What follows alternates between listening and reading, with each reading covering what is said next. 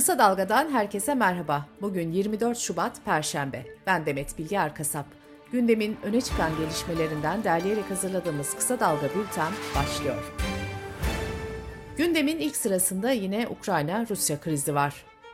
Ukrayna krizi nedeniyle Rusya ile Batı arasında yüksek gerilim sürerken Rusya Devlet Başkanı Vladimir Putin yeni bir açıklama yaptı.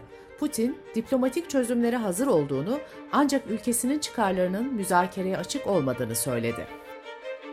Krizin çözümü için ABD Başkanı Joe Biden'la Putin arasında planlanan görüşme ABD tarafından rafa kaldırıldı. Beyaz Saray sözcüsü, Ukrayna krizine ilişkin son gelişmeler nedeniyle şu aşamada böyle bir görüşmenin planlanmadığını açıkladı.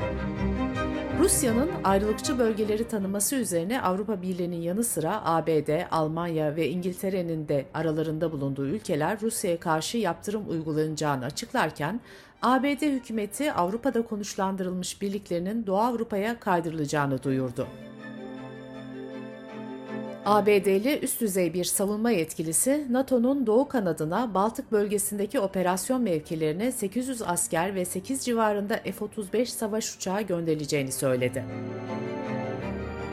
Rusya'ya yönelik yaptırımları açıklayan ABD Başkanı Biden, iki Rus bankasını tamamen engelleyeceklerini söyledi. Biden şunları söyledi.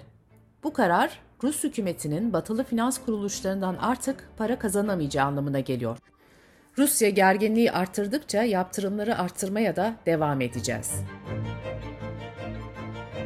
Avrupa Birliği Dış İlişkiler ve Güvenlik Politikaları Yüksek Temsilcisi Borrell, 27 Rusya vatandaşı ile kuruluşlarına yaptırım kararı aldıklarını duyurdu. Rusya'nın Avrupa sermaye piyasalarına erişimini sınırlandıracaklarını belirten Borrell, oy birliğiyle onaylanan bu yaptırım paketi Rusya'nın canını acıtacak hem de çok acıtacak dedi. The Guardian gazetesi ise AB'nin Donbas kararı nedeniyle Rusya'ya uygulamayı planladığı yaptırımların taslak metnini ele geçirdi. Listede Rusya Savunma Bakanı Şoygu ile üst düzey yetkililer bulunuyor. Ukrayna Devlet Başkanı Zelenski, özel dönemlerde yedek askerlerin göreve çağrılması kararnamesini imzaladı. Ukrayna Dışişleri Bakanlığı da Rusya'daki vatandaşlarının ülkeden ayrılması için çağrı yaptı. Rusya'nın giderek saldırganlaştığını belirten bakanlık, Ukrayna vatandaşlarının Rusya'ya seyahat etmemesi gerektiğini bildirdi. Ukrayna'da Rusya yanlısı muhalefet, Moskova'nın Donbas kararı nedeniyle devlet başkanı Zelenski'nin istifasını istedi. Ülkenin parlamentosu Rada'da 44 koltuğa sahip Yaşam için Muhalefet Platformu yaptığı açıklamada Zelenski'nin Donbas'ı kontrol altına almakta başarısız olduğunu vurgulayarak istifa etmesi için çağrıda bulundu. Ukrayna'nın Ankara Büyükelçisi Vasily Bodnar da biz savaş istemiyoruz, savaşı provoke etmiyoruz. Yaptığımız araştırmalara göre topyekün saldırıya geçmesi için Rusya'nın yeterince imkanı yok dedi. Ukrayna Ulusal Güvenlik ve Savunma Konseyi Donetsk ve Luhansk bölgeleri dışında ülke çapında olağanüstü hal ilan edildiğini duyurdu. Cumhurbaşkanı Recep Tayyip Erdoğan, Rusya ve Ukrayna arasında yükselen gerilime ilişkin açıklamalarda bulundu. İkili ilişkiler nedeniyle Türkiye'nin ne Rusya'dan ne de Ukrayna'dan vazgeçebileceğini belirten Erdoğan, bizim derdimiz öyle bir adım atalım ki hiçbirinden vazgeçmeden bu işi çözelim ifadelerini kullandı. Erdoğan konuşmasına şöyle devam etti. Rusya ile liderler çerçevesinde ciddi bir görüşme performansı sergileyen çıkmadı. Macron Moskova'ya geldi, tablo ortada. Arkasından Scholz geldi, o tabloda ortada. Biden'la ilgili görüştü, görüşüyor vesaire dediler, herhangi bir şey çıkmadı. Ortada sadece NATO kalıyor, artık tavrını belirlemelidir, ne yapacaksa yapmalıdır. Herkes sadece laf yapıyor, iş yapan yok. Çin hükümetinden Ukrayna kriziyle ilgili taraflara itidal çağrıları sürerken hükümetin yayın organlarından da Avrupa ülkelerine barışı koruma uyarıları yapılıyor.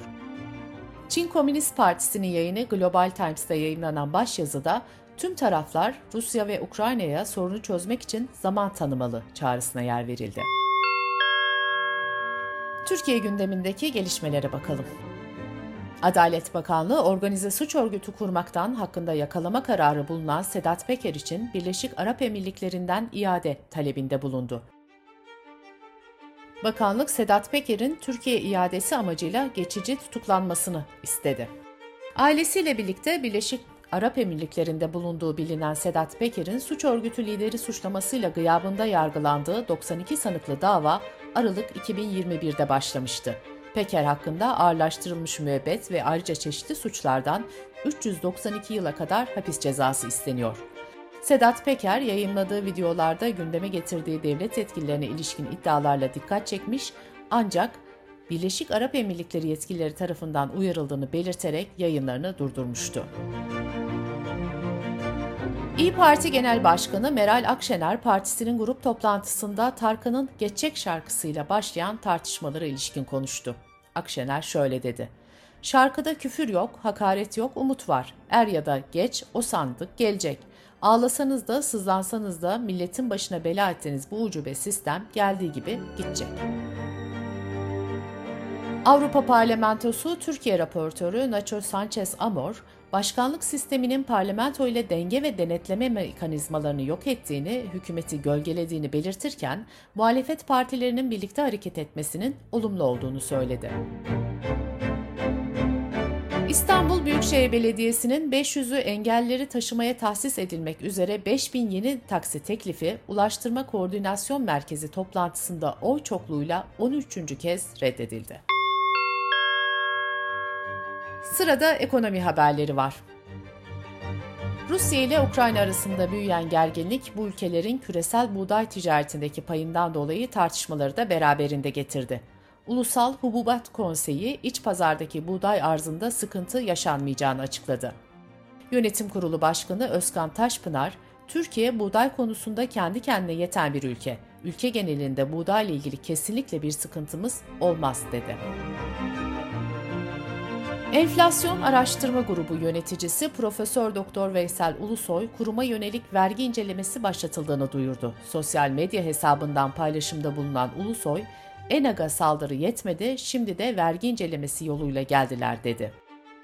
Bağımsız araştırmacı ve akademisyenlerden oluşan Enflasyon Araştırma Grubu her ay aylık ve yıllık bazda tüketici fiyat endeksi oranını TÜİK'le aynı gün açıklıyor. TÜİK, ENAG'a yönelik kurumu itibarsızlaştırmak suçlamasıyla suç duyurusunda bulunmuştu. Türkiye İstatistik Kurumu verilerine göre trafiğe kaydı yapılan taşıt sayısı Ocak 2021'e göre %35.4 azaldı. Geçen yıl Ocak ayında trafiğe kaydı yapılan toplam araç sayısı 74.505 iken bu yılın Ocak ayında bu sayı 41.839 olarak gerçekleşti. Covid-19 gelişmeleriyle kısa dalga bültene devam ediyoruz.